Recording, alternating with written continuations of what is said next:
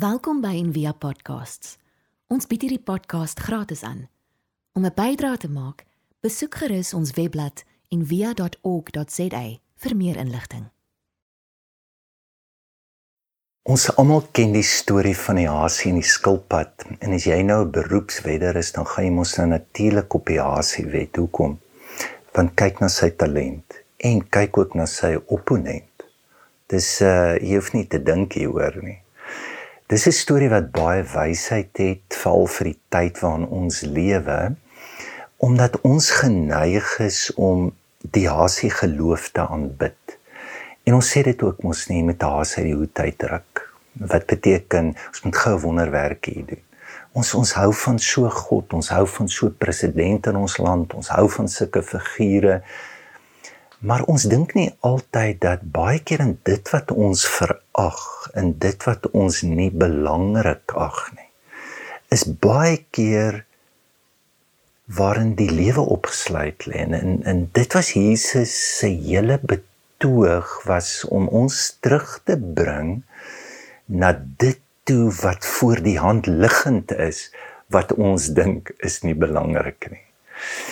Nou ehm um, ja, ek dink dit is so gevaarlik 'n hasie geloof en veral wat tegnologie aan ons doen dat ons gebruik nie meer net tegnologie nie, maar ek dink tegnologie gebruik ons in die sin dit definieer ons. Dis hoekom handelsname so be belangrik is van dit sê amper wie ons is. Ehm um, dit het so duur geword. Ehm um, spoed uh en tyd is geld so vinniger ek is, so meer geld so onbewustelik word ons psigies geestelik geprogrammeer wat ons outomaties laat inkoop in hasie geloof. Maar wat van as Jesus pad en ek glo dis sy pad eintlik die pad van die skilpad is? Ehm um, Kees Weiman in Nederland, hy sê spirituality is about God's transformational relationship with humanity that unfolds during a long spiritual journey, a long spiritual journey.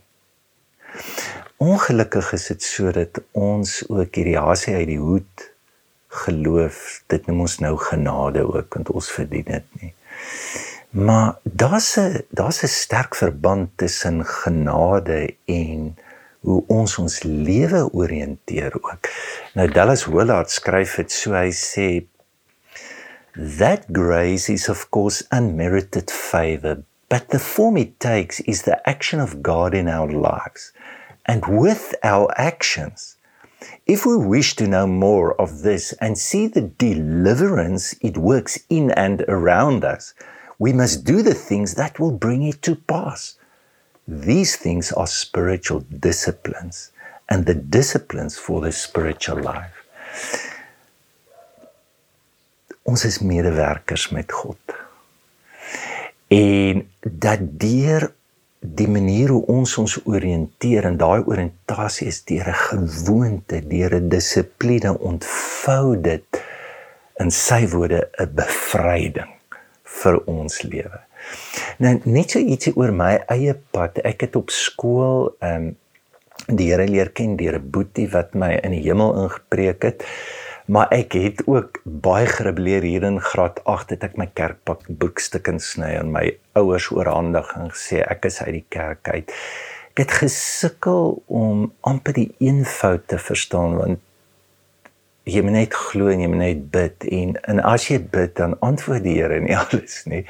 En as jy glo dis so moeilik om met die Bybel so kompleks is en na my bekering besef maar ek moet net weet want dis maar my hele omgewing was daar's mense wat reg glo en wat verkeerd glo en hierdie denominasies regte en daai is verkeerde een en besef maar nou met ek uitvind wat's reg en vir jare studeer en veral in die tale en probeer verstaan maar um, hoe kan ek regtig die Here behaag en 'n baie baie groot verskil in in wat in my lewe plaasgevind het was eendag toe ek in die klas sit En ons nuwe voorskrywe boekie is so groen boekie en daar staan op celebration of discipline.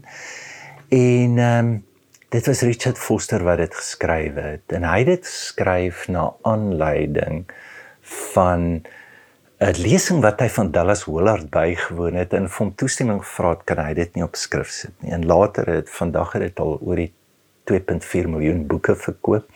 En is hierdie eenvoudige verstaan van om Jesus te volg beteken dat ek sekere gewoontes in my lewe ontwikkel en hy het vier uiterlike, vier innerlike en vier korporatiewe gewoontes en ek onthou hoe kwaad die protestante vir hom was want hulle het gedink ag maar hy's nou 'n katoliek want die korp een van die korporatiewe gewoontes jy moet leer om te bely voor mense. Jy moet jou lewe oopmaak vir ander mense. Jy moet eerlik word. En ehm um, bewus geword van hierdie ook hierdie groot kloof in die kerk van ek het myself beter verstaan as 'n protestant wat ons sê nee maar dis net genade en daar's nie werke ter sprake en baie keer hierdie werke was gekoppel aan dissiplines wat natuurlik ook baie verkeerd kan gaan. En ehm um, aan die einde van die 80's het Dallas Willard 'n boek geskryf oor wat hy daai tyd gepreek het en geglo het en hy was maar ook 'n baptis in sy hart het ook bediening toegetrek en totdat hy daar gekom het wat totaal ontnigter was deur geloof.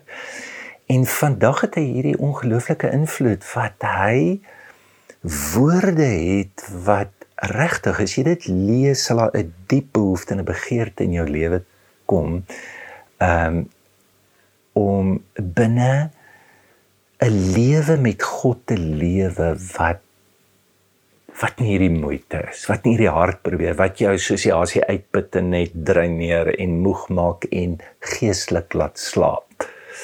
Ehm um, maar iets anders, ter so the spirit of the disciplines, jy hoor dit nê. Die dissiplines vra na die gees. Die gees vra altyd na dissiplines en en en hy het hierdie mooi woorde om te verstaan hoe werk dit in ons lewe. Nou, miskien net drie opmerkings. In die eerste plek, ons moet ons lewe se skilpad verstaan. Ehm um, daar's 'n persoon wat my altyd aan 'n skilpad laat dink en is Brian McLaren want hy het hierdie fanatiese liefde vir skilpaaie. Dit kan ek nie verstaan. Ek kan verstaan jy lief is vir visse, maar vir skilpaaie. So hy het honderde van die goeders en toe hy by die kweekskool gepraat het, toe wys hy 'n foto van 'n skilpad wat in 'n ring, plastiek ring het om die skilpad se dop vassit en soos die skilpad groter geword het, het die ring eintlik om misvorm in 'n 8. En hulle het hom gerehabiliteer afknip en na jare het het hy weer normaal begin te word.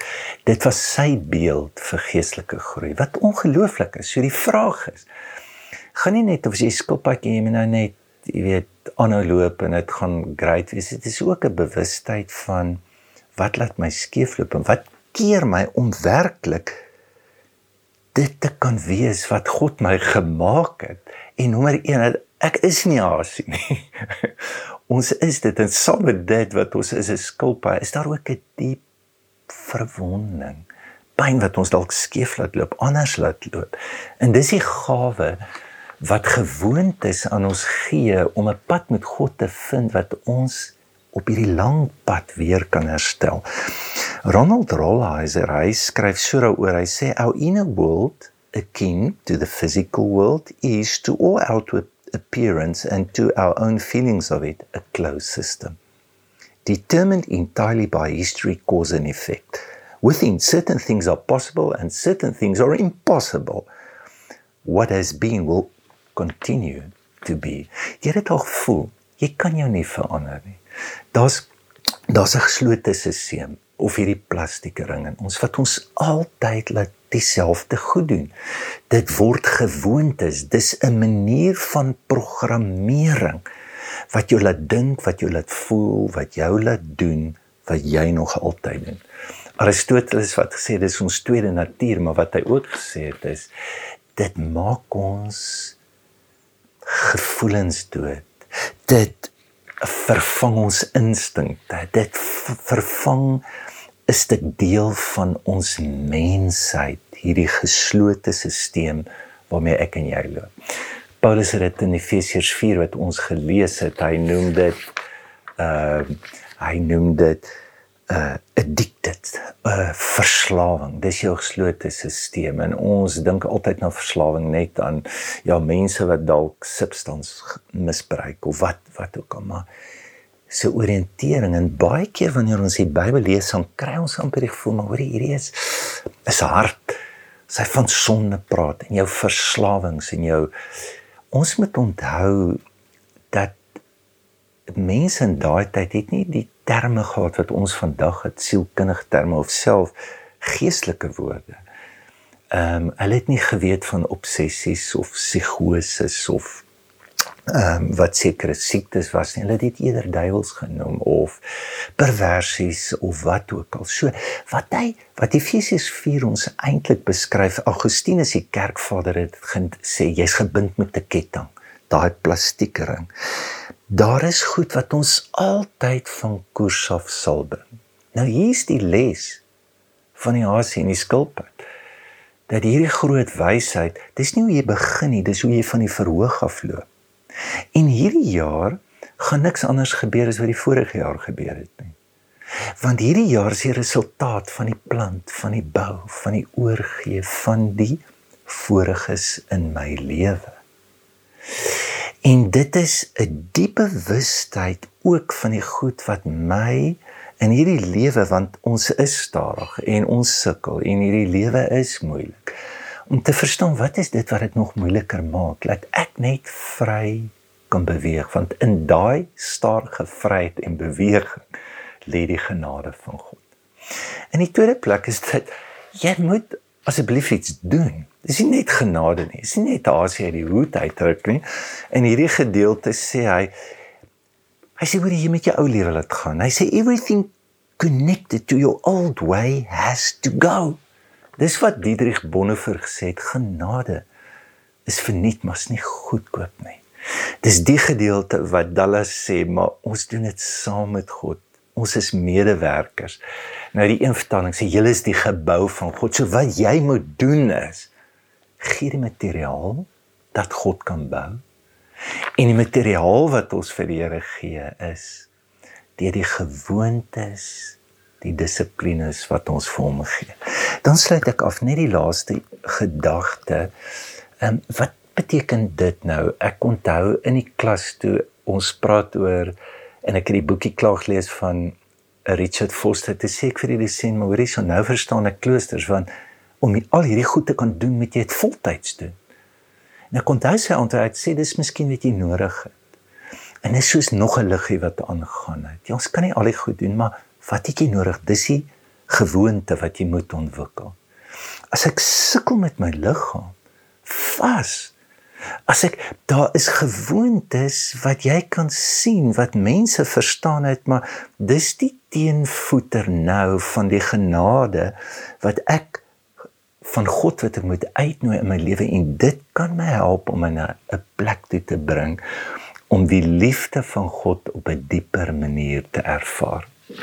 En op die ou end 'n gedissiplineerde lewe gaan nie gaan nie so seer o jy doen dit en jy doen dit, jy doen dit. Jy weet want ons dit lyk my as ons nou gebid het en Bybel gelees het is ons ehm um, geestelikes of heiliges. Is nie dis dissipline is ons hele lewe. En en hier is die die ja, daar's soveel skrywers wat daaroor praat vandag. Dis nie hierdie vier uiterlik is of in dit dis eintlik jou hele lewe wat toevallig dit ook kan wees. Wat jy aan God bring en die kruks van enige gewoonte is hoe gee jy jou aandag vir die Here en hoe help dit wat jy nou doen dat daar 'n dieper bewustheid kan wees van die liefde van God. Brother Lawrence wat hier in die middeleeue, hy was 'n kok wat in die wêreld beïnvloed het en hy het 'n boekie geskryf The Presence Practicing the Presence of God. Hoe hoe kan ek as 'n kok hierdie diepte hoe hoe kan 'n gewoonte van om as 'n kok te lewe dieper bewustheid van God in my lewe te bring of as ek geweer skoonmaak of vis vang of my hele lewe wat is dit wat my kan verdiep in 'n dieper bewustheid so hierdie vakansie was ek en Wilma se ouers Gamkas Kloof toe en die stilte was vir my um, ongelooflik en ek onthou nie aande kyk ons na die sterre en as jy jou aandag gee vir dit en hoe ons praat daaroor dit dit bring net 'n dieper respek en 'n verwondering. Dit is soos 'n vergrootglas. Mag jy hierdie jaar ervaar hoe die Here se vergrootglas na jou toe kom. En baie keer is dit nie lekker nie want daai vergrootglas wys ook wie jy is. En mag jy jou rug keer op hierdie hasie uit die hoed druk geloof wat um, belaglik is wat ons ontneem van Christus se woorde neem jou kruis op elke dag kry hierdie jaar 'n manier wat jy deur gewoontes wat jy nodig het vir dit wat jy in jou lewe wat jou dalk op 'n op 'n plek bring wat dit vir jou moeiliker maak om die vryheid en die blydskap van die Here te ervaar. Want dis gewoonlik wat moet gebeur. Ons moet eers ontwrig. Dan moet eers 'n wanorde kom voordat daar orde kan kom. Vers 23 in ons geleesde gedeelte sê: "Mag God jou gees en jou gedagtes nuut maak." En baie keer vir dit om nuut te word, moet ons eers die ou laat gaan. Gewoontes kan ons help om dit te doen. En dit veroorsaak soms 'n ontwrigting of 'n vasbyt of net 'n aanhou 'n stadige aanhoudende vasberade vol ferm oë wat miskien nie so vinnig is as wat jy gedink het dit is nie maar wat jou laat vasloop in die genade van die Here Ons hoop van harte jy het hierdie podcast geniet of raadsaam gevind. Besoek gerus en via.ok.za vir meer inligting.